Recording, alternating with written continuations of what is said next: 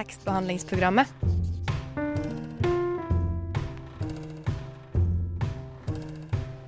Tekstbehandling på radio.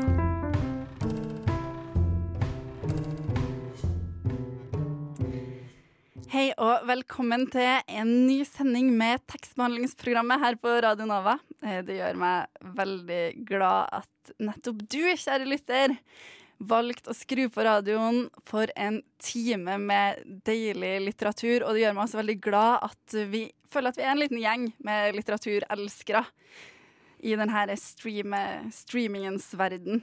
Er du ikke enig, Hanna? Jo. Eh, det er godt å være en del av den gjengen, vil jeg si. Og alle er velkomne. Alle er velkommen til et fellesskap. Eh, I dag så er det jeg, Ingrid, i studio, og den andre stemmen du hørte, var Hanna. Og vi har en superbra sending i dag. Ja.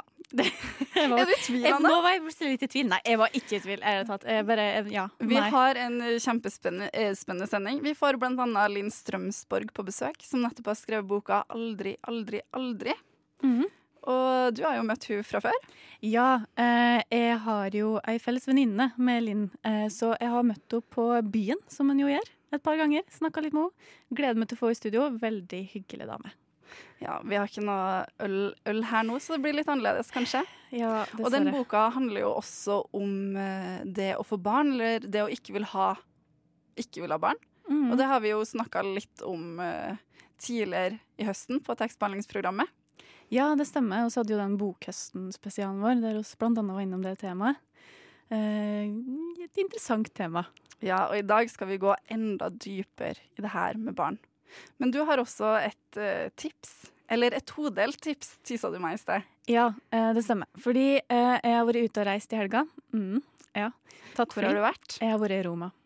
Skamma du deg da du tok fly? Eh, ja, litt. Men hvis en først nå må ut og reise, hvis en må til Roma, sånn som meg, eh, så har jeg et lite tips om det med å gå gjennom sikkerhetssjekken. Eh, At en kan vise litt hensyn til andre passasjerer, andre reisende som skal på tur. Eh, Fordi jeg har tenkt over det at den der plastboksen som du får utdelt til å putte dine personlige eiendeler i, den kan du ta med deg bort fra rullebåndet. Eh, Du trenger ikke å stå og ompakke hele kofferten din og ta på deg beltet og putte nøklene i lomma og alt det der, eh, sånn at du blokkerer for andre reisende som Er skal det ha et snev av irritasjon Det er ligger under der? Lite sne, det er litt passiv-aggressivt, det tipset her. Men jeg bare kjenner at sånn, hvis du ikke har tenkt over det før, kjære lytter, tenk over det nå. Hvis du er på vei til flyplassen, din lokale sådan, tenk over det nå. Og uh, nå er jeg veldig spent på å høre eh, del to av det her tipset. Jo, del to er egentlig at, eh, som du sa, flyskam. Nå i 2019 eh, så er det på en måte ikke lov å anbefale å reise. Men det som er så flott med litteratur Er at du kan reise litt likevel. Du kan reise gjennom ei bok! Og i sommer så leste jeg ei bok som heter 'Kreta døgn' av Tove Nilsen. Og den, altså, den er som å være i Syden. Den luktesyden, den smakesyden, den høres ut som Syden. Eh, hvis du kjenner at nå begynner å nærme seg litt for mye november, eh, ta så plukk opp den fra ditt nærmeste bibliotek. Anbefales. Det er jo en super, super anbefaling. Reis, reis i blikket, reis i, reis i litteraturen, lytter. Gjør det. Gjør det. Og, men vi får ikke bare besøk i dag. Eh, vi skal også høre litt andre ting. Eh, blant annet så skal vi høre en omtale av Vibeke Thunberg sin nye roman. Eh, I tillegg så er, har tekstbehandler Emily reflektert litt rundt lydbøker. Hva er egentlig greia?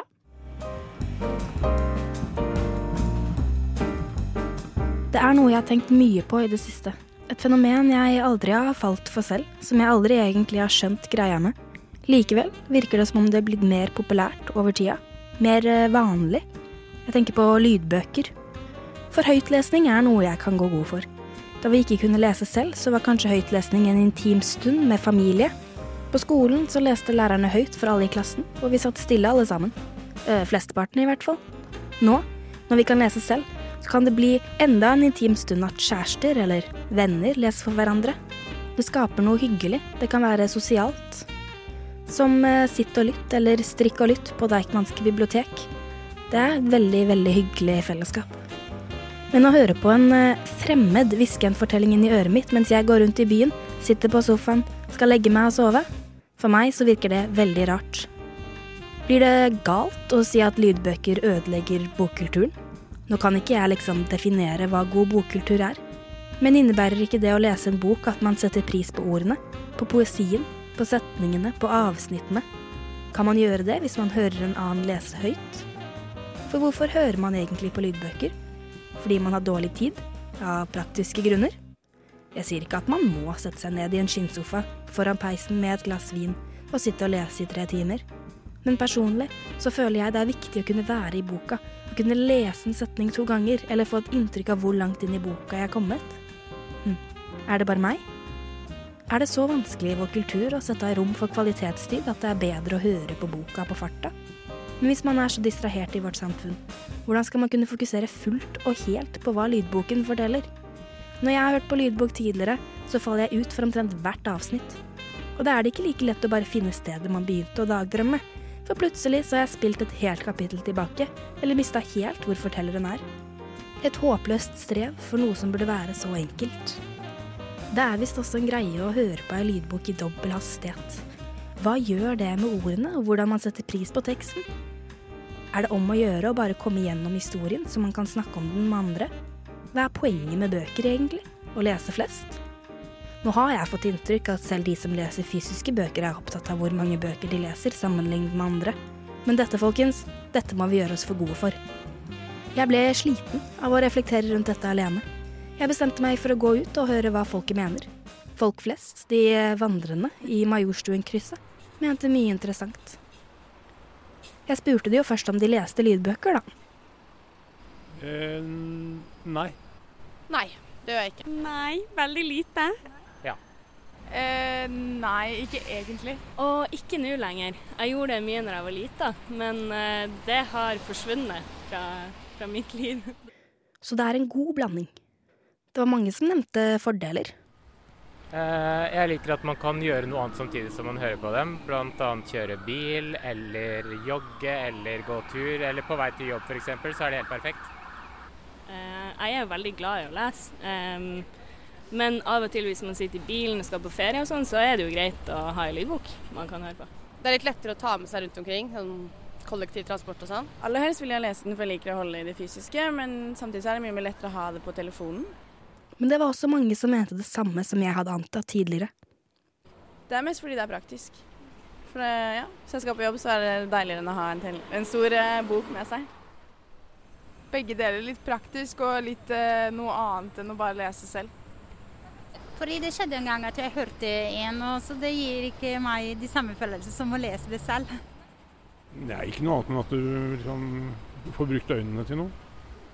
Men når jeg skal lese, så liker jeg den opplevelsen av å sitte i en god stol med en kopp te og, og lese bokstavene sjøl, bla i bøkene sjøl. Men det er kanskje bare en vane. Jeg tenker det er bare en vane. Mm. Kanskje hører man på lydbøker for å få en annen forståelse av teksten, en annen tolkning av teksten. Eller så er det bare praktiske grunner. Er det egentlig bare bra at folk får litteraturen inn på en eller annen måte? Hvilken måte det skjer på, er ikke opp til meg i hvert fall. Nyt boka.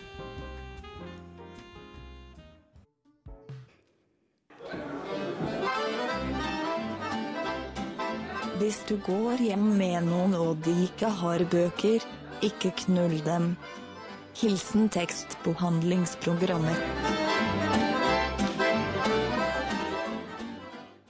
Da har vi fått forfatter Linn Strømsborg her på besøk i tekstbehandlingsprogrammet. Velkommen. Takk. Du debuterte jo med boka 'Roskilde', som du fikk eh, megagode kritikker for, og fortsatt med boka 'Furuset' og 'Du der ikke'. Og du var jo her eh, i tekstbehandlingsprogrammet med debutboka di. Ja, jeg, jeg tror det. Ja. Og nå er du tilbake. Nå er jeg tilbake. Nå er det Ten year reunion med Strøms. Og nå er du her med boka 'Aldri, aldri, aldri'. Mhm. Har du lyst til å fortelle lytterne litt om hva slags bok det her er? Uh, ja. Det er uh, uh, Det er en bok om eh, en som aldri vil ha barn.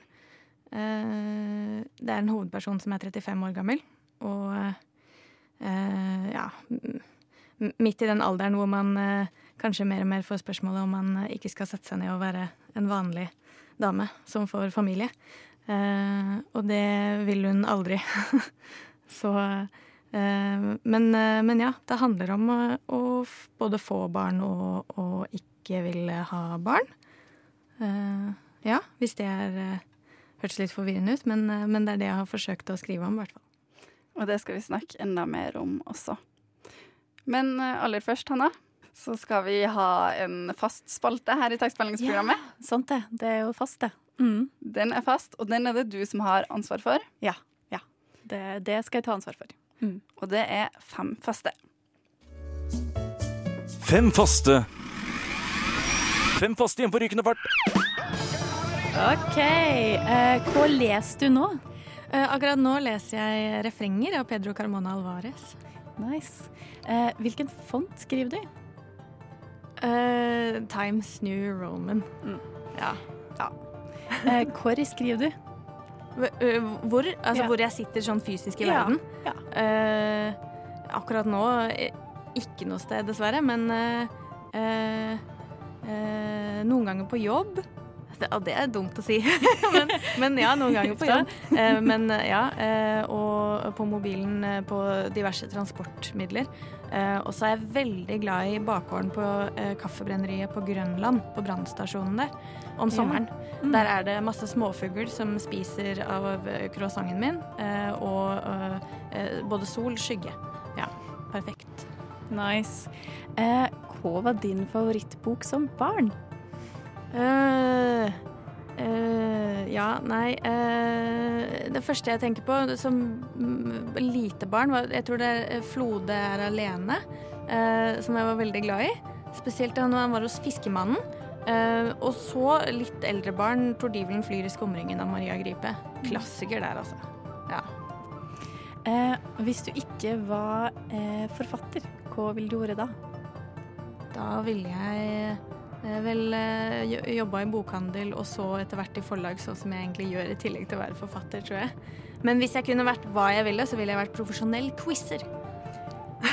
Hvis man kunne fått penger for det. Du, det er ikke dumt. Det er ikke dumt. Det er jo fantastisk. Profesjonell quizer. Ja. Nice. Er du god i quiz? Eh, ikke, jeg er ikke så god, men jeg er veldig glad i det. Men du er veldig, glad i, du er veldig god til å holde quiz, kanskje? Nei, ikke quizmaster. Det er jeg veldig dårlig til. Eller jeg blir, jeg, da blir jeg i Ja, så jeg tenkte profesjonell quizer. Da tenkte jeg Ja. at du skulle quize andre. Ja, fordi det går an å bli quizmaster. Det lever folk av, men det vil jeg ikke. Uh, jeg vil, jeg vil Du vil delta? quiz- Ja, jeg vil delta. Jeg vil ha med eget pennal. Så vil jeg at folk skal stille meg spørsmål. Litt sånn som denne spalten her. Det var veldig gøy. Uh, her er det ikke noe sånn riktig og feil, da. Så jeg Kanskje- fikk ikke noe poeng, kanskje. Det er ikke noe Eller- nei, nei, det er jo sånn i kunstens verden så Ja. er det jo ikke noe riktig og feil. Nei, ikke så sant. det- Men det er det liksom er deilig av og til å forholde seg til sånn riktig og feil også. Ja. Sånn, åh, særlig kanskje når du lever i kunstens verden ofte. ja. Jeg syns også eh, den her eh, 'Frode er alene'. Ja. Herregud, det er jo en av mine favorittbøker som barn også, men den hadde jeg helt glemt før du nevnte den nå. Jeg blir helt, åh. Ja. Hvem er det som har skrevet den? Det er Trond-Viggo Torgersen, er og så er det Vivian Zahl, tror jeg hun heter, hun som har illustrert og tegna de veldig fine tegningene av Flode. Ja. Den er fin, altså. Jeg fant den på loppemarkedet i helga, det var derfor den lå så veldig friskt i minnet. Ja. Den er, også, Mm. den er også trist. Men Ja. eh, apropos trist. Ja. Vi har jo Vi har jo Vi skal spille noen sanger i dag som du har valgt. Og en av dem er Bears Den med Sophie. Ja. Og da du valgte sanger, så nevnte du også at uh, god musikk er trist musikk. Ja. Det, hvorfor valgte du denne sangen? Akkurat denne um, Altså alle tre vi- Ja, hvis, vi- hvis vi spiller alle tre sangene jeg fikk lov å velge, så, så er alle henta fra um, det man kan kalle soundtracket til boka mi. Eh, fordi nå i disse tekniske dager så kan man jo lage spillelister på Spotify, eksempel. Og det har jeg gjort, da. Så, så alle tre er fra den. Eh, hvis boka var en film, så ville eh, denne første sangen vi skal høre, kanskje vært Ja, når hovedpersonen var litt trist, så ville hun kanskje hørt på denne i bakgrunnen.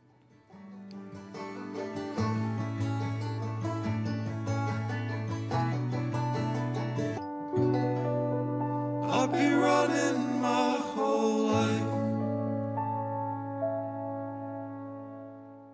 Jeg heter Aune, og du må høre på tekstbehandlingsprogrammet Fordi kunnskap og viten, det er det mest vidunderlige på denne jorden.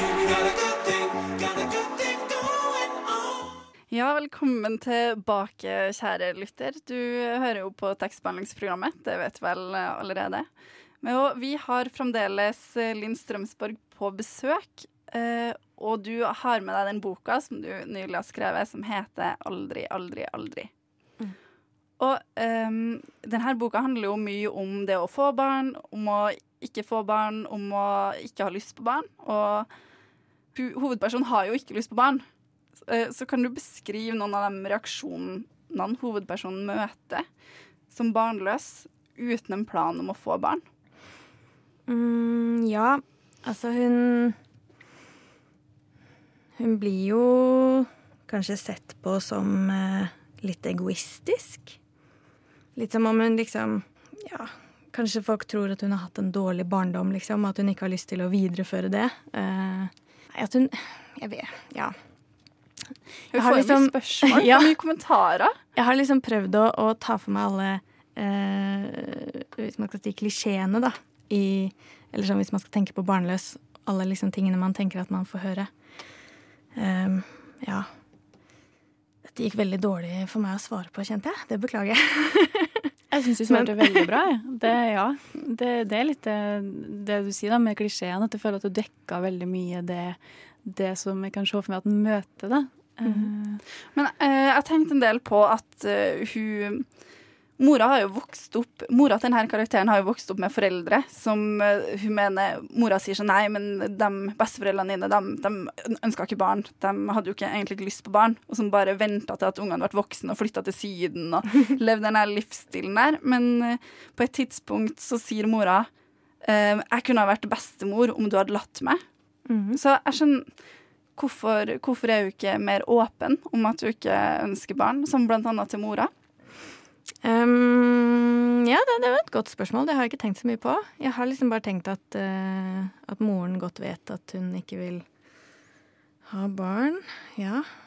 Um, hmm, ja. Det er kanskje en eller annen sånn der at uh, Mora har jo veldig lyst til å bli bestemor, så hun driver fortsatt med en eller annen ønsketenkning der. Det ja, hun har sånn veldig, ut. veldig lyst til å bli bestemor. Ja. Uh, Blant annet så strikka jo strikka små barneklær og ja, ja, for hun moren fikk jo hovedpersonen da hun var ganske ung. ja, og Det var veldig Eh, nøye med å fortelle til hovedpersonen. Mhm. Eh, og hadde vel kanskje et slags håp om at, ja, at hovedpersonen også skulle Dette kjenner jeg at jeg har ikke satt meg så mye inn i liksom bakgrunnshistorien til karakterene mine. Det, det er tips til meg selv til neste gang. Men, eh, men ja, at de, ja. At hun kanskje forventer at ja, at hennes datter skulle, skulle følge hennes fotspor, da, sånn at hun også skulle bli mor som 19-20-åring. Få det overstått. Ja. Bare- Ja, for hun romantiserer jo en del. Kunne du hatt en 15-åring hvis du bare hadde skjerpa deg?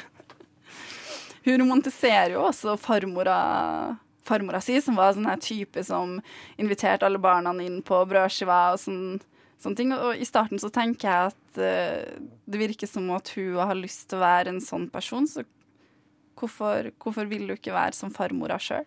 Men som de mormora og morfaren som hun, hun på mange måter misliker, da. Å ja, tenker du at hun misliker de? Ja. Ja? Å ja, spennende. Uh, ja Jeg tror Jeg tenkte Jeg tenker liksom litt at hun ser litt opp til det. Ja. At de liksom har kjørt på som sin egen greie, selv om altså Det problematiseres jo litt eh, Det er vel ett sted i boka at jeg liksom sier sånn Jeg tenkte ikke over at når, når dere dro, så var det noen som ble igjen. Eh, For hun har alltid liksom tenkt at sånn Ja, nå drar de til Syden og lever kunstnerlivet. Kjører sin egen greie. Ja, ja. Eh, Men, eh, men de dro jo fra barna sine. Eller altså barn. Jeg ser jo for meg at de var voksne. Ish. Sånn Ja, men mora er jo fortsatt bitter. Ja, ja. Det, det er hun. Det er også lov. Slår et slag for bitterheten. Ja. Det er jo litt sånn at eh, eh, det er akkurat som om veldig mange forskjellige typer morskap, er det et ord, Ja. som presenteres. Har du tenkt litt sånn bevisst rundt det? For Ja, har- det tror jeg. Ja. Ja. Og så var det var liksom litt derfor jeg Fordi jeg er jo jeg er jo som sagt innom en del klisjeer i liksom hva man som barnløs kanskje får høre, men også kanskje innom en del klisjeer, eller i hvert fall kjente typer da, innenfor Altså du har liksom den Farmoren er kanskje liksom den gode besteforelderen. Den ser for meg at hun var sånn varm og myk. Sånn, det var sånn gyllent lys bak henne der hun sto og bakte boller som aldri ble harde. Eh, mens mormora kanskje er litt mer sånn eh, kjøre på. Eh, karrierekvinne. Eh, skal male elg i solnedgang, men i Spania, i sommerkjole. Drikke vin hver dag. Eh, nå, nå, bare jazzer jeg rundt eh, dette, men jeg ser liksom litt for meg det. Um, og så har du moren hennes, da, som, som kanskje er en slags mellomting. Mm. ja, mellom de to. åpenbart veldig glad i datteren sin. Um, selv om hun har blitt voksen og ikke blitt mamma.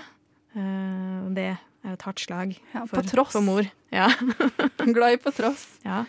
Men uh, jeg lurer på om uh, Kunne du lest et uh, utdrag for oss? Ja, jeg håper det.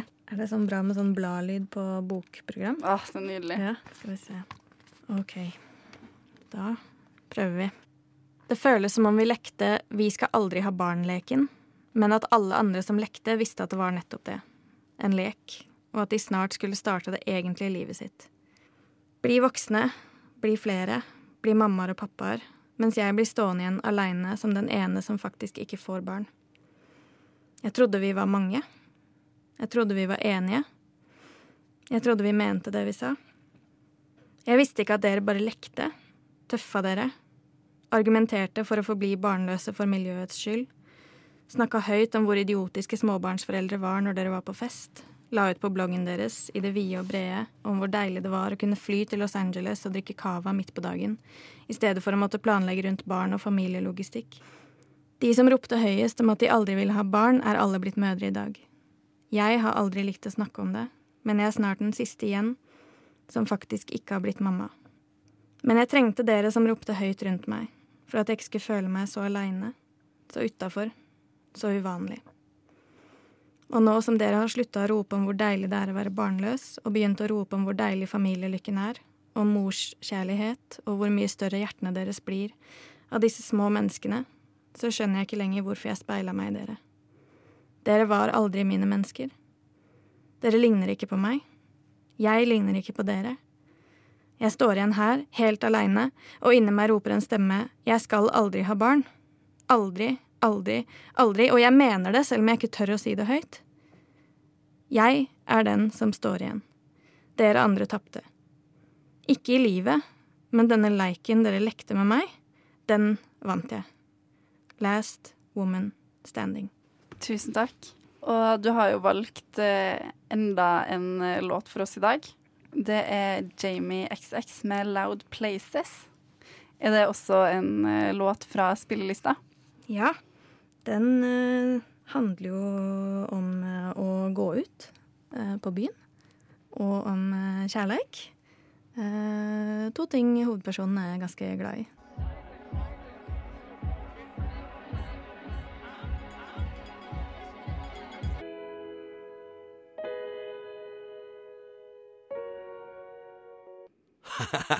Hallo, Chartersveien her.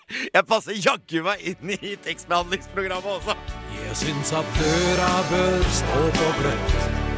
Tekstbehandlingsprogrammet holder døra oppe for alle.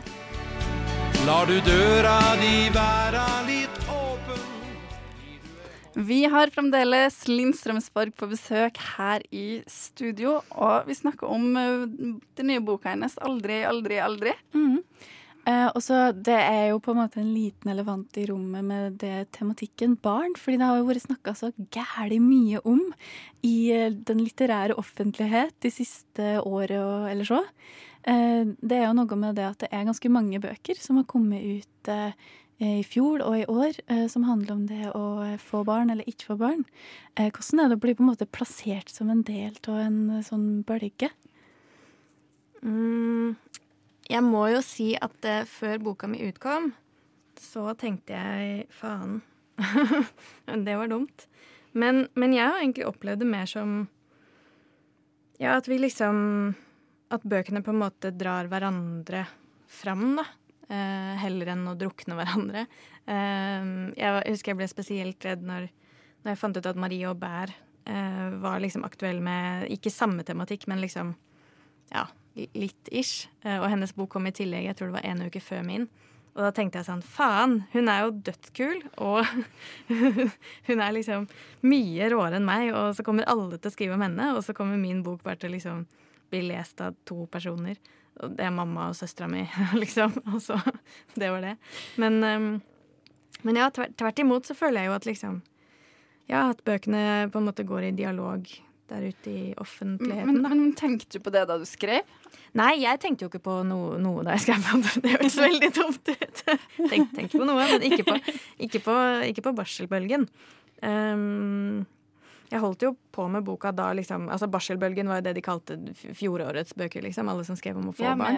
Ja. Hvilke bøker var det som kom ut? av Kjersti Anne Dyret Støtte og- Skomsvold, Ja. Barnet. Mikkel. Mikkel Bugge, Du er ny. Ja. Um, ja. Og så var det den ja, Heidi Furre, Dyret. Mm. Ja. Ja. Det var barnet og dyret. Her er det bare, bare å må, måke på. Ja, da. Ja, og nå så er det snudd, for nå handler det litt mer om det å ikke det, få barn. nå er det de som ikke vil, og de som ikke kan, og de som ikke fikk til, og ja. Nå er det outcasta som, eh, som Men ble du inspirert av den, den bølgen? Sånn, er det her på en måte et motsvar til det med barselspøkene? Nei, jeg ble liksom Jeg var som sagt eh, Jeg var allerede i gang. eh, og så tenkte jeg jo bare faen i helvete at ikke jeg er ferdig et år før. Så jeg kan bli med på barselbølgen med min eh, eh, antibok. Dra ned stemninga litt. Eh, men så rask var jeg ikke til å skrive.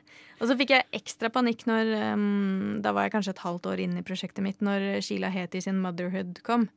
Da tenkte jeg sånn OK, det var den boka jeg skulle skrive, så nå kan jeg like så godt bare kaste manuset og, og gjøre noe annet. Men jeg leste jo boka hennes med en gang jeg fikk Loain, og det, det var jo heldigvis ikke det samme som, eh, som jeg holdt på med. Men har du gjort uh, mye research for denne boka?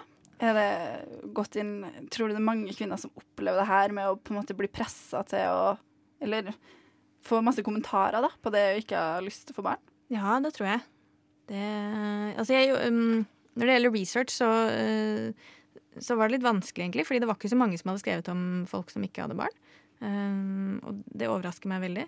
Uh, setter stor pris på hvis, hvis noen har lyst til å maile meg alle de flotte romanene og filmene om folk som ikke vil ha barn, som de sitter på. For jeg har ikke funnet de. Men men jeg leste mye essays, da. For det, det fins. en del sånn, ja barn, barnfri essay i Sverige og sånn. Um, ja. Nå glemte jeg hva du spurte om. Jeg tror du svarte på det. Ja, bra. Da, vi, vi, ja, det gjorde jeg. Jo, jeg tenkte litt på det med um, at, uh, som du sa i stad, at du føler at bøkene på en måte har løfta hverandre fram. Og så kom jeg bare på at en liten fugl har jo hviska meg i øret at boka er solgt til Tyskland. Stemmer det? Ja. Ja. Det, Tyskland og Danmark har det blitt. Ja, så gøy. Ja. Er det første gang det er oversettelse, eller har det blitt oversatt før? Jeg har ikke oversikt over det. Det er en litt morsom historie, fordi min debutbok 'Roskilde' ble oversatt til svensk. Til et forlag som gikk eh, konk rett etter at de hadde utgitt boka. Så den er ute. Um, men, men det Jeg føler at jeg liksom velta det skipet. Eh, så, så Men det var De veldig gøy å bli de, utgitt. Ja, nei, det, det, var ikke min, det var ikke min bok, tror jeg, som liksom velta lasset, men det føltes veldig sånn. Um, men, eh, men ja, etter det har det vært stille fra, fra utlandet. Det har sikkert, sikkert gått i ett ord om eh, forbannelsen som hviler over min, mine bøker. Men nå, nå har Tyskland og, og Danmark tatt til fornuft. Så, så det blir veldig gøy.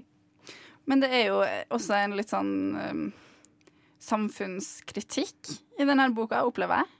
Ja, det er spennende. Kunne du ha skrevet det som en kronikk òg? Um, nei, for da måtte jeg vel ment alt selv. Ja, må man ikke det? Hvis man skriver kronikk? Jo, kanskje. Mm. Ja. Det er en fordel, tror jeg. Ja, nei, Så da kunne jeg ikke gjort dette som eh, ja. Men eh, hva er det hun, hovedpersonen mener som ikke du mener? Og det er mange, mange greier. Ja. Eh, Nei, men det er jo Jeg har jo på en måte strukket um, Det er det som er gøy med å skrive fiksjon.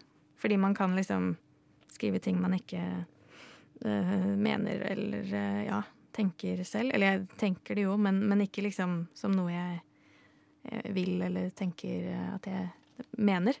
Uh, men jeg kan tenke sånn Å ja, jaså. Du, du sier det, du. Det, det er interessant. Og så kan man liksom ja, skrive det ned. Um, hun er jo veldig antibarn, da. Eh, Hun er veldig sikker. Ja, men hun er veldig antibarn, men samtidig, når hun barndomsvenninna får barn, så Da er hun veldig hjelp- pro barn. så hjelper jo hun, hun Men hun tenker liksom ikke så mye over det, men hun bare drar dit, hjelper til. Ja, ja, ja. Og er lager mat med dem som at det ikke er noe problem i det hele tatt. Ja. Ikke sant? Det kan man gjøre i fiksjon. for, for hvis dette hadde handla om meg, så ville det vært eh, en kvinne på 33 som var litt sånn Nei, jeg har aldri hatt lyst på barn, jeg. Skal vi gå på quiz? Uh, og så, når folk får barn, så ville jeg sagt den var søt. Kan den være hjemme så vi kan gå på quiz? Uh, så så det er liksom Det ville ikke blitt en så bra roman da, som det som det, det ble. Uh, eller altså, ja, som jeg håper det ble, når det, når det ikke handler om meg. Det var veldig flåsete svar. Nei, det er fint. Du- Vi har jo allerede etablert at du har lyst til å bli profesjonell quizer. Ikke sant? Ja. Men vi må videre, og du har jo valgt én låt til, og det er Robin Mhm. med 'Honey'. Mhm. Dronninga. Ja, ikke sant? Ja, det er jo også en veldig, veldig trist sang, men man kan danse til den. Du hørte Robin med 'Honey'. Radio Nova. Ja, du hører på Radio Nova, og her så flyr tida i studio når vi snakker om bøker.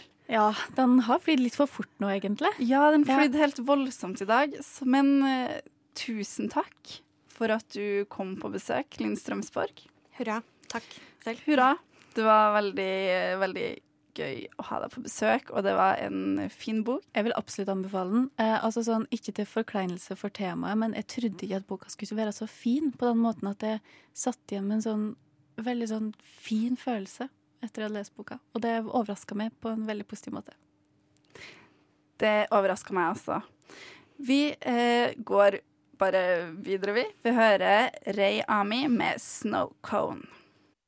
You have bewitched me, body and soul, and I love, and love, I love. Tekstbehandlingsprogrammet på Radio Nova.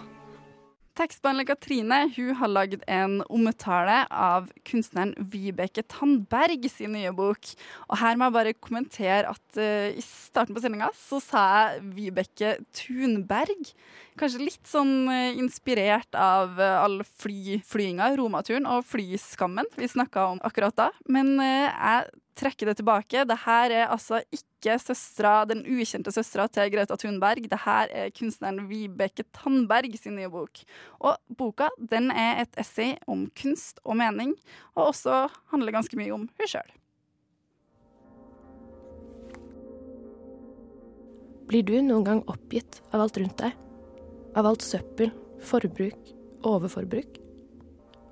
Du prøver kanskje å sortere søppelet ditt, bruke mindre plast, gå og sykle, ta tog, handle brukt, låne klær, resirkulere, bruke igjen. Så tenk deg at du er kunstner. Du lever av å skape. Hva skaper du så når du også er lei av å forbruke materialer? Stopper du? Det viser seg nemlig at det ikke er et alternativ. Å være kunstner er ikke noe du gjør, det er noe du er. Også om du ikke mener å skape. Det uttaler i hvert fall kunstner Vibeke Tandberg i sin nyeste bok Uvilje. Et essay hvor hun leder oss gjennom sin kunstnerhistorikk og introduserer oss for sine egne og andres tanker om ting skapt av både henne selv og andre. Et gjenbruk, med andre ord. Vibeke Tandberg er en norsk kunstner som har stilt ut internasjonalt siden 90-tallet.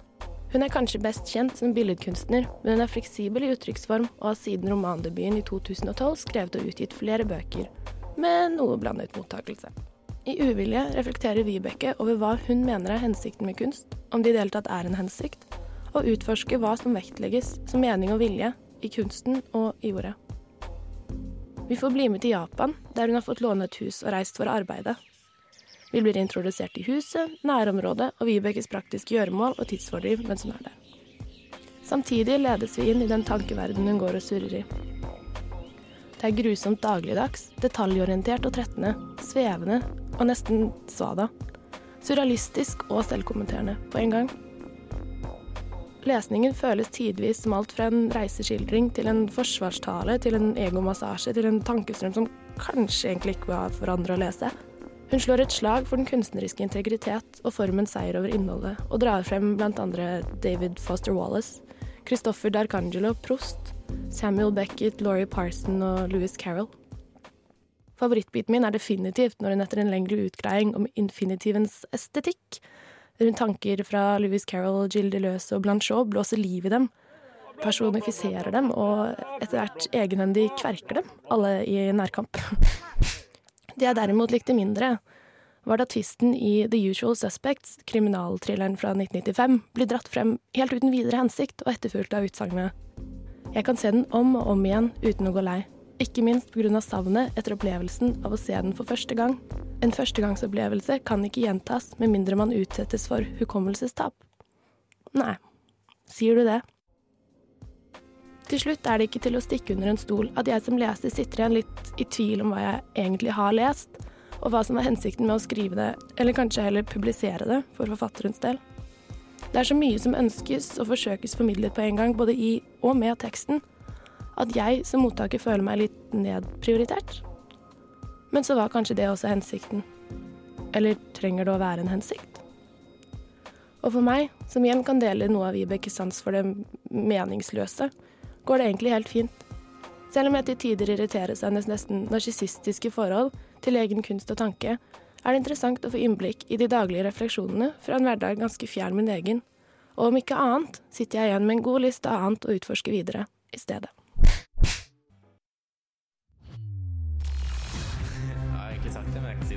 Radio Nova.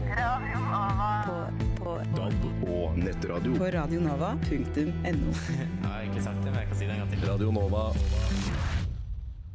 Ja, vi har hatt en eh, ikke en barnslig sending, men en barnlig sending.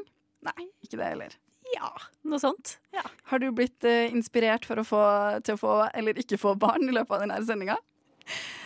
Oi, det er et veldig stort spørsmål, da.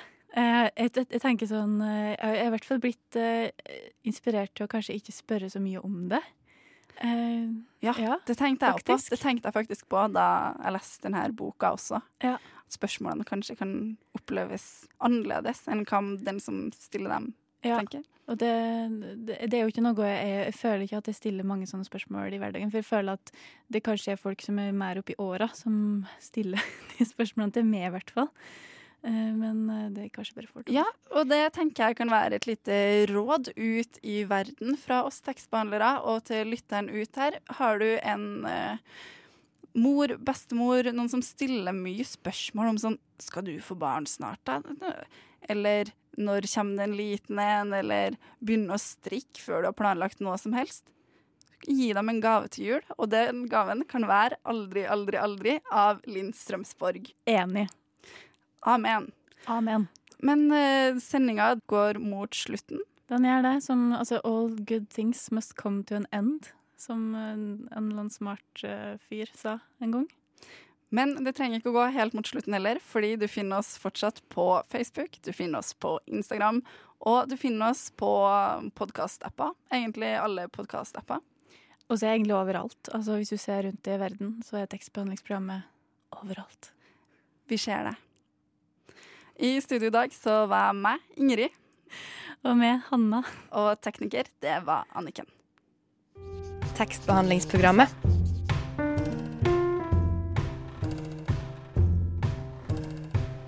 Tekstbehandling på radio.